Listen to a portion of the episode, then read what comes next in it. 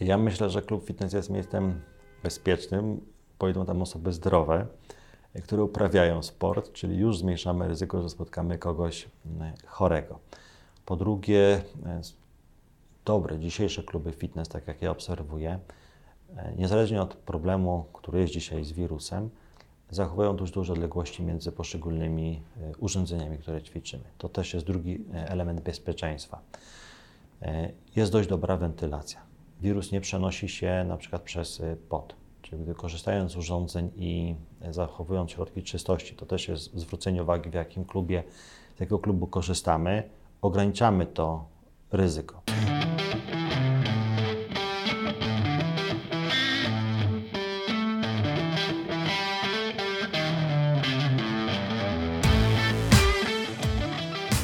Badań naukowców na całym świecie wynika, że e, istnieje bezpośredni związek między aktywnością fizyczną a odpornością człowieka. Czyli osoby, które regularnie trenują, które regularnie uprawiają sport, są bardziej odporne na zachorowania, w tym również, co jest bardzo ważne w obecnym czasie, na zachorowania wirusowe. No właśnie, i jak ta teoria ma się do praktyki yy, i co my możemy zrobić, yy, aby dodatkowo wspierać nasz organizm? Nazywam się Karolina Bałaban i będę na ten temat rozmawiać z moim gościem, a moim gościem jest pan dr Michał Chudzik, internista, kardiolog, specjalista z zakresu elektrokardiologii sportowej, a także ekspert z zakresu medycyny zdrowego trybu życia i medycyny przeciwstarzeniowej. Dzień dobry, panie doktorze. Dzień dobry, dzień dobry państwu, dzień dobry pani. Panie doktorze, no właśnie, jak to wygląda w praktyce? Czy rzeczywiście e, osoby, które pan spotyka w swoim gabinecie, e, znaczy wśród tych osób jest mniej osób aktywnie uprawiających sport? Rzeczywiście jest to ta część medycyny, gdzie można powiedzieć, teoria spotyka się z praktyką. I bardzo rzadko w medycynie widzimy taki tak duży związek między tym, co wiemy teoretycznie, a tym, co sprawdza się w praktyce klinicznej. Myślę, że nie, niezależnie od specjalizacji, każdy z kolegów lekarzy potwierdzi to, że osoby uprawiające sport rzadziej chorują. Ja osobiście mogę powiedzieć, że ponad 25-letnim stażem pracy nie pamiętam, aby ktoś, kto aktywnie, systematycznie uprawiał sport, zgłaszał problem częstych infekcji. Mówimy oczywiście o sporcie uprawianym amatorsko. Sport uprawiany zawodowo to jest troszkę inna grupa chorych i tutaj e, takiej bezpośredniej analogii nie zawsze, nie zawsze ona występuje. Mhm, czyli taki sport rekreacyjny faktycznie przekłada się na mniejszą zachorowalność. Ale z czego to wynika? Mechanizmów jest bardzo wiele i właściwie w ostatnich 20-30 latach dokonał się ogromny postęp wiedzy medycznej na ten temat, bo o tym, że sport to zdrowie, to myślę, że wiem od ponad 100 lat, natomiast ostatnie kilkanaście lat rozwój genetyki, rozwój immunologii dokładnie wskazuje mechanizmy. I dzisiaj, jak poznajemy siatkę tych zależności, to jesteśmy pod wrażeniem, jak na wielu etapach sport korzystnie wpływa na nasz organizm, na układ odpornościowy. Mamy taką zwaną odporność i komórkową, i humoralną. Określenie może skomplikowane, ale można powiedzieć, że w każdym aspekcie odporności, na każdym polu odporności, sport ją wzmacnia. Są również efekty pośrednie, na przykład uprawianie sportu zmniejsza proces zapalny, przewlekły proces zapalny. A to jest pierwszy krok do chorób przewlekłych, jak cukrzyca, nadciśnienie, inne choroby autoimmunologiczne bardzo dobrze reguluje gospodarkę cukru, gospodarkę węglowodanów. To z kolei zmniejsza ryzyko przewlekłego e, stanu zapalnego. Ta dobra regulacja cukrów zmniejsza również wydzielanie hormonów stresu, a hormony stresu obniżają ilość białych komórek, które są odpowiedzialne za budowanie odporności. Zwiększa ilość aktywność, zwiększa aktywność tzw. Tak związków polifenoli, związków, które chronią nas przed stresem oksydacyjnym. Czyli już przez te kilka minut mieliśmy dosłownie kilkanaście tych mechanizmów, a tak będzie, że jest to wierzchołek góry lodowej, jakbyśmy dokładniej zaczynali analizować, jaki może być korzystny wpływ sportu. Jest ich naprawdę bardzo, bardzo wiele. Myślę, że taką jeszcze kropeczką nad i jest aspekt że sport opóźnia starzenie układu odpornościowego. To jest coś, co chyba nas powinno najbardziej przekonać. Mhm. Jeżeli mamy młody układ odpornościowy, będziemy bardziej odporni. To widujemy na co dzień, że osoby młode po prostu mniej chorują. No to prawda, ale e, czy jakby tą sytuację możemy bezpośrednio odnieść również do e, zachorowalności na koronawirusa? No bo wiadomo, że to nas w tej chwili najbardziej interesuje. Tak, oczywiście jest to nowa choroba i dzisiaj jeszcze takiej dokładnej wiedzy medycznej na ten temat nie mamy, ale już pierwsze doniesienia o koronawirusie, to, że rzadziej, szczęśliwie chorują dzieci, e, jest pewną taką sugestią, że jeżeli mamy młody, zdrowy układ odpornościowy, będziemy lepiej sobie radzić z tą infekcją, zarówno zmniejszać ryzyko zachorowania, jak i powodować, że sam przebieg choroby będzie lżejszy. A sport poprzez odmładzanie układu albo hamowanie procesu starzenia układu odpornościowego jest jedną z najlepszych dróg, aby to realizować. To jest fantastyczna wiadomość dla wszystkich osób, które trenują i myślę, że też no, bardzo dobra motywacja dla tych, które jeszcze nie trenują, ale, ale do tego dojrzewają, dokładnie. E, no właśnie, a jeżeli będziemy rozmawiać o samym treningu, czy jest jakiś rodzaj aktywności fizycznej, jakiś sposób trenowania, który szczególnie wspiera naszą odporność? Myślę, że przede wszystkim musimy zachować pewien rozsądek. Jako lekarz zawsze e, chorym rekomenduję, aby e, nie zaczynali treningów zbyt intensywnie. Dobrze, kiedy te treningi są różnorodne, czyli zarówno jest to lekki trening, jest to rozgrzewka, jest to trening, trening tak zwany w strefie tlenowej, ale również jest to przeplatane treningiem interwałowym o większym nasileniu, z większą, z większą intensywnością. Również nie można zapomnieć o ćwiczeniach tak zwanych siłowych, oporowych. Taka ciekawostka, y, rok temu została opublikowana publikacja w bardzo dobrym piśmie europejskim, która wykazała, że ćwiczenia na siłowni przy odpowiednim algorytmie zwiększają aktywność tzw. Tak enzymów telomerów, enzymów, które wydłużają życie komórki. Czyli mamy jakieś nawet już pierwsze dowody, że odpowiednio ćwicząc możemy powiedzieć potencjalnie wydłużą swoje życie.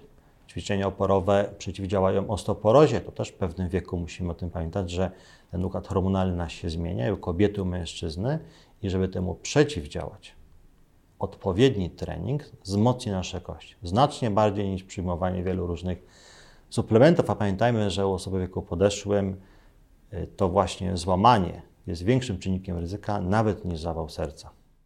No właśnie, bo to jest tak, że y, czy ten sport będzie tak samo zdrowy dla mnie, jak i dla mojej mamy i ta aktywność fizyczna będzie tak samo jakby pomagała mnie, jak i mojej mamie? Myślę, że w każdym wieku jest on tak samo ważny, ale w każdym wieku musi być indywidualnie dopasowany. do możliwości organizmu. Oczywiście. Dziecko mhm. gdzieś ten ruch ma przypisany w swojej naturze i tutaj niewiele musimy modyfikować, tylko nie przeszkadzać dziecku. Osobę w wieku już starszym musimy bardziej motywować do tego. Pamiętajmy o tym, że biologicznie zaczynamy się starzeć niestety już od, po 25 roku życia. To wymusza przygotowanie do sportu. Musimy przejść odpowiednią rozgrzewkę, jak i również musimy dobrać odpowiednie ćwiczenia adekwatne do swego wieku, wytrenowania oraz chorób współistniejących. Dobrze, kiedy byłoby to jednak po konsultacji lekarza i zalecałbym na pewno na początku poradzić się trenera, instruktora.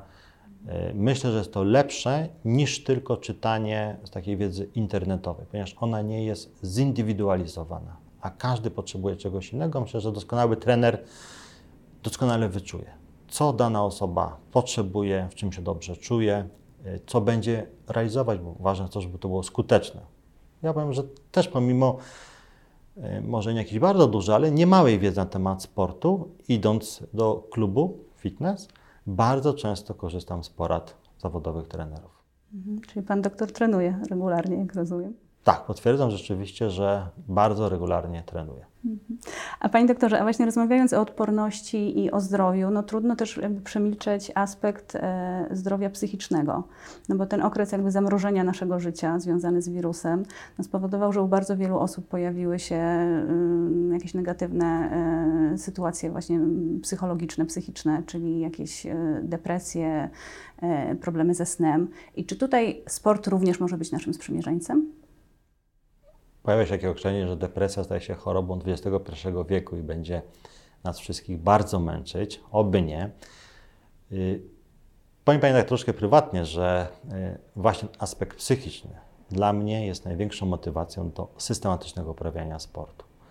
Y, chemicznie wiemy, że sport powoduje wyzwalanie pewnych hormonów, do, dopaminy, serotoniny, pewnych endogennych morfin. Czujemy się po prostu lepiej i nie jest to tylko takie nasze przeświadczenie, ale jest podstawa poprzez odpowiedni układ hormonów, który wyzwala się podczas uprawiania sportu. E, doskonale potrafi nam odpocząć psychicznie. E, po tych 20-30 minut wysiłku fizycznego to poczuć takiego zadowolenia, rozprężenia, odstresowania jest najpiękniejszą sprawą, jaką możemy sobie podczas uprawiania sportu zrealizować. Kładąc na przeciwwadze to codzienne, bardzo ciężkie, zestresowane życie, jakie dzisiaj pewno każdy, każdy ma. Ja zawsze chorym zalecam każdą aktywność sportową, czy to będzie e, Nordic Walking, czy chodzenie, czy jakaś e, siłownia, że wiele problemów, które się ma, które można sobie przemyśleć, tych trudnych rzeczy w czasie uprawiania sportu, jest doskonałym czasem, bo więcej tych hormonów stresu już nie wyzwolimy. Już na pewnym poziomie tych hormonów w czasie uprawiania sportu e, funkcjonujemy. Jest to znacznie lepiej, znacznie lepiej pewne trudne problemy przemyśleć sobie w czasie przepracować, przepracować mhm. niż stojąc rano w korku, myśląc, że spóźni się do pracy, słuchając nie zawsze dobrych wiadomości e, w radiu, jeszcze sprawdzając maile. To jest wtedy najgorsza apteka może być. Mhm. No ale znowu, czyli jakby osobom zestresowanym, takim właśnie, które mają jakieś problemy e, ze zdrowiem psychicznym, jakieś skłonności depresyjne, bezsenność, czy znowu jest jakiś rodzaj treningu, który im szczególnie pomoże, czy to trzeba sobie po prostu dobierać indywidualnie i, jakby obserwować, co nam służy? Ja osobiście cenię sobie medycynę indywidualną. Jesteśmy jednostką. E, zawsze powtarzam to swoim studentom, adeptom medycyny, że zalecenia oficjalne trzeba znać. To jest pewna twarda wiedza. Natomiast musimy stosować się indywidualnie do każdego chorego. Nie oznacza to, że jak damy tabletkę A, że ona u wszystkich chorych zawsze będzie działać. Będą indywidualne różnice. Samo dotyczy gdyby uprawiania sportu. E, szukałbym to, co jest najlepsze dla mnie, nie narzucałbym choremu. Jedna osoba woli spacer, ktoś woli biegać, ktoś się odnajduje na siłowni, ktoś lubi przez godzinę biegać e, w terenie, ale ktoś ceni sobie różnorodność ćwiczeń, że co 15 minut musi zmienić. To będzie rowerek, to będzie e, jakiś, jakaś bieżnia i wtedy siłownia będzie doskonałym rozwiązaniem. Trzeba odnaleźć to, co sprawia nam przyjemność. Nie idziemy za karę na siłownię, a idziemy wypocząć. To nie może być kolejna kara i kolejne budowanie poczucia e, stresu, bo to jest pierwszy krok do, do Dokładania sobie po prostu obowiązku kolejnego, tak tylko trzeba to traktować jako to jest mój czas, prawda? Kiedy robię coś. coś mój dobry czas. Tak, coś dobrego dla siebie. Dokładnie. No właśnie, myślę, że jakby no wśród naszych słuchaczy są osoby, które E, być może udało nam się przekonać i są to osoby, które nigdy nie ćwiczyły albo nie ćwiczyły od dawna. Czy one powinny na coś zwrócić uwagę, zanim, zanim zaczną tą aktywność fizyczną? Przede wszystkim gratulujemy tym osobom, że ten pierwszy krok zrobiły, że pojawia się ta myśl, że trzeba zacząć ćwiczyć. Zaleciłbym, jeżeli osoba do tej pory y, miała jakieś problemy ze zdrowiem, jedną konsultację u lekarza jeżeli są naciśnięte tętnicze, powinno być w miarę kontrolowane, w miarę kontrolowane, ale jednocześnie zawsze też chorym powtarzam, że pierwszy stopień naciśnienia według zaleceń przez pierwsze 6 miesięcy powinniśmy leczyć umiarkowanym wysiłkiem fizycznym i zmianą stylu życia. Powiem e, Pani też tak e, bardzo szczerze, że ja osobiście sam, gdzieś mając e, nadciśnięte tętnicze na poziomie granicznym, mierząc przed aktywnością i po, nigdy nie zdawałem sobie sprawy, jak korzystny efekt na ciśnienie może mieć systematyczne uprawianie sportu.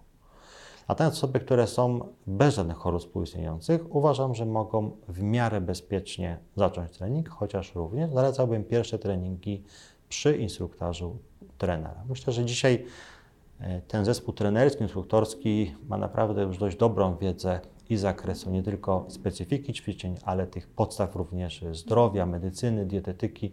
Jest to dobra osoba do pewnych, do konsultacji. Mhm. Tym bardziej, że jakby no wiele klubów fitness, tak jak nasz na przykład, jakby oferuje taką usługę, e, taką konsultację można odbyć jakby w cenie karnetu, także to, to, to wystarczy przyjść i poprosić takiego fachowca o pomoc i on wtedy faktycznie przynajmniej takie pierwsze wskazówki nam da, żebyśmy, żebyśmy na dzień dobry sobie nie zrobili po prostu krzywdy. Czy jest jakiś taki błąd osób, które ćwiczą, e, trenują, ćwiczą na siłowni czy gdziekolwiek, który się powtarza i który też jakby tutaj wa- warto podkreślić, czego nie powinniśmy robić, żeby ten sport faktycznie był zdrowy. Nie powinniśmy być za ambitni i chcieć za szybko zrealizować e, swój cel. Plan treningów musi być spokojny, dopasowany do naszych możliwości. Nie stawiajmy sobie celów, które są nierealne do zrealizowania. Nie zakładajmy, że będziemy codziennie po dwie godziny spędzać na siłowni, bo po tygodniu, po dwóch będziemy zmęczeni i pojawi się bardziej niezadowolenie niż poczucie, że coś dobrego się zrobiło. Zalecam zawsze przez pierwsze trzy miesiące spokojny plan treningowy. Osoby, które w ogóle nie ćwiczyły, niech to będzie e, spacer, delikatne truchtanie. Jeżeli to siłownia, to oczywiście małe obciążenie z większą ilością powtórzeń. To ma być pewna forma nawet zabawy, przyzwyczaić organizm do wysiłku. Taka forma podejścia do y, uprawiania sportu spowoduje, że wejdzie on nam w nawyk i będzie to nasz styl życia, a nie pewien obowiązek, który musimy zrealizować. No i ta regeneracja, prawda? Bo też bardzo często jest tak, że osoby, zwłaszcza które już są bardziej zaawansowane im się wydaje, że bardzo dużo mogą, e, no jakby zapominają o poświęceniu przynajmniej tego jednego dnia w tygodniu na regenerację. Tak, to są takie oczywiście szczegóły mm, techniczne dotyczące mhm. samego uprawiania sportu. Na pewno trener takie rzeczy dokładnie omówi, ale regeneracja jest tym okresem, kiedy właśnie budujemy tą siłę, budujemy tą e, odporność, budujemy naszą wytrzymałość i nie możemy pozwolić sobie na ćwiczenia codzienne bez okresu regeneracji. Pamiętajmy również, że regeneracja to nie tylko dzień przerwy, ale to jest również sen. Stąd jest taki korzystny efekt uprawiania sportu, że lepiej zasypiamy. To jest jeszcze drugi taki problem poza depresją społeczeństwa, że e, mamy problemy ze snem. Natomiast sen musi być nie tylko w tym przedziale 6-8 godzin, ale on musi być w odpowiednich godzinach. Nasz układ hormonalny, który walczy ze stresem, regeneruje się między godziną 21 a 1 w nocy. Jeżeli przegapimy te godziny snu, to nawet jak będziemy spali 8 godzin, tak naprawdę obudzimy się zmęczeni i niewyspani i od rana już niezadowoleni. Oczywiście jesteśmy realistami, trudno dzisiaj komuś zalecać dorosłej osobie, żeby o 21 y, poszła spać, ale jeżeli to będzie godzina przed północą, o 23, to jest ten najlepszy czas do regeneracji. Mhm, czyli nie tylko spać dużo, ale starać się chodzić spać w miarę wcześnie. Nawiedział, że to jest jeszcze ważniejsze bo wówczas obudzimy się o 5-6 rano Może z poczuciem... trening przed pracą. Może oczywiście, jeżeli ktoś ma taki styl, tak najbardziej, jak najbardziej trening. Trzeba dodać również, że przed tym snem nie powinniśmy zbyt intensywnie oglądać telewizji, oglądać e, komputera. Musi być minimum godzina przed snem tego okresu wyciszenia. Dobrze, kiedy nie ma w pomieszczeniu, w którym śpimy, komórki żadnej. Musi być dobra temperatura, to jest 19-21 stopni w pokoju, w którym śpimy. Idealnie, kiedy on jest całkowicie zaciemniony, żeby nie było żadnych źródeł światła. Nawet tak śpimy, ale gdzieś to światło się pojawia, nasz mózg, on reaguje, on widzi to. To nie jest, to nie jest wypoczynek. A Panie doktorze, wracając właśnie do, do, do treningów, bo teraz chciałam jakby dopytać konkretnie o trening w klubie fitness, e, bo e, być może uda nam się wspólnie obalić kilka mitów i takich obaw, które się pojawiły właśnie w związku z e, powrotem na treningi do klubów fitness, na które się wszystkie przygotow wszyscy przygotowujemy. E, czy to jest tak, że w klubie fitness wirus może się przenosić e, w jakiś specjalny sposób i dlatego klub fitness może być miejscem nie wiem, bardziej niebezpiecznym niż e, sklep czy, czy, czy restauracja? Ja myślę, że klub fitness jest miejscem bezpiecznym. Pojedą tam osoby zdrowe, e, które uprawiają sport, czyli już zmniejszamy ryzyko, że spotkamy kogoś chorego. Po drugie, dobre dzisiejsze kluby fitness, tak jak ja obserwuję, E, niezależnie od problemu, który jest dzisiaj z wirusem, zachowują dość duże odległości między poszczególnymi e, urządzeniami, które ćwiczymy. To też jest drugi e, element bezpieczeństwa. Jest dość dobra wentylacja. Wirus nie przenosi się na przykład przez pot. Czyli gdy korzystając z urządzeń i zachowując środki czystości, to też jest zwrócenie uwagi, w jakim klubie, z jakiego klubu korzystamy, ograniczamy to ryzyko. Mhm. Wydaje mi się, że na obecnym momencie epidemii, kiedy już widzimy dość duże e, rozluźnienie tych restrykcji. I kolejne, gdyby przychodzą, e, korzystanie z klubu fitness w mojej ocenie staje się w tej chwili już bezpieczne. No właśnie, a wracając do tego potu, bo Pan doktor o tym powiedział, ale faktycznie to jest takie, takie głosy się pojawiają, że, e, e, że właśnie przez to, że nie wiem, ćwiczę na jakimś urządzeniu, na którym wcześniej trenowała osoba, która mogła być potencjalnie zakażona i jakby został ten sprzęt. I mówię tutaj o takiej wyolbrzymionej sytuacji, że nie używamy oboje ręczników, e, nikt nie zdezynfekował tej maszyny, dotykamy gołą skórą. Czy jest w ogóle jakakolwiek szansa, że jakby przez pot się można zarazić na siłowni? Nie ma danych na to, aby przez skórę, aby przez pot ten wirus y, przenikał i ta droga dzisiaj na pewno nawet w układzie teoretycznym nie jest potwierdzona. Wirus wnika przez układ oddechowy, wynika to ze specjalnego rodzaju enzymu, który jest obecny w komórkach układu oddechowego, są jak pewne wrota do infekcji. Tego enzymu nie ma w takiej ilości w skórze, która by powodowała zwiększone ryzyko infekcji. Ja osobiście tutaj takich obaw bym nie, nie widział. Mhm. I sam fakt, że jakby w jednym pomieszczeniu jest ileś osób, które uprawiają ten wysiłek fizyczny, no wiadomo, że wtedy się bardziej intensywnie oddycha. Ja myślę, że to zachowanie pewnych zasad, ile tych osób. Jeżeli jest ta ilość dopasowana do wielkości y, klubu, tak jak wspomniałem o tej odległości między urządzeniami, uważam, że jest to bezpieczne, bo już w tej chwili również funkcjonujemy na co dzień w sklepach, w centrach e, handlowych. Jest oczywiście gdyby też większa intensywność, ale my nie ćwiczymy, że ktoś naprzeciwko nas biegnie i oddycha. Najczęściej są tak urządzenia e, poustawiane, mhm. że ta osoba gdzieś patrzy przed siebie i oddycha przed siebie. Nie ma tego bezpośredniego twarz do twarzy kontaktu na, na siłowni przy tych ćwiczeniach, które wymagają dużej intensywności oddechów. Mhm. Nie, oprócz tego jakby no, mm, wszyscy będziemy się stosować do pewnych restrykcji, które, które jak się spodziewamy zostaną nam e, narzucone przez administrację rządową, prawda, bo nagrywamy tą rozmowę w momencie, kiedy kluby fitness są jeszcze zamknięte, ale spodziewamy się, że tak naprawdę już lada dzień e, będziemy mogli znowu powitać klubowiczów w naszych progach. E, no i jakby mówię z perspektywy naszej, czyli City Fitu, my, my się na to szykujemy już od wielu tygodni e, i, jakby ten proces przygotowawczy głównie sprowadza się do tego, że właśnie właśnie wprowadzamy dodatkowe środki zapewniające bezpieczeństwo naszym klubowiczom. Zakładam, że podobnie zachowują się inne sieci, inne kluby. E, no i teraz tak z perspektywy takiej osoby, która wraca na trening e, do swojego klubu albo, albo chce rozpocząć ten trening, jakby na co ona powinna zwracać uwagę, wybierając swój klub? Czego powinna oczekiwać jakby i od operatora, i tak naprawdę do czego sama się powinna stosować, żeby było bezpiecznie? Tak, myślę, że sprawdziłbym właśnie y, tą wielkość klubu i potencjalną ilość osób, która może ćwiczyć, y, odległości między poszczególnymi rządami, czy klub y, jest systematycznie czyszczony, czy są środki dezynfekcji dostępne?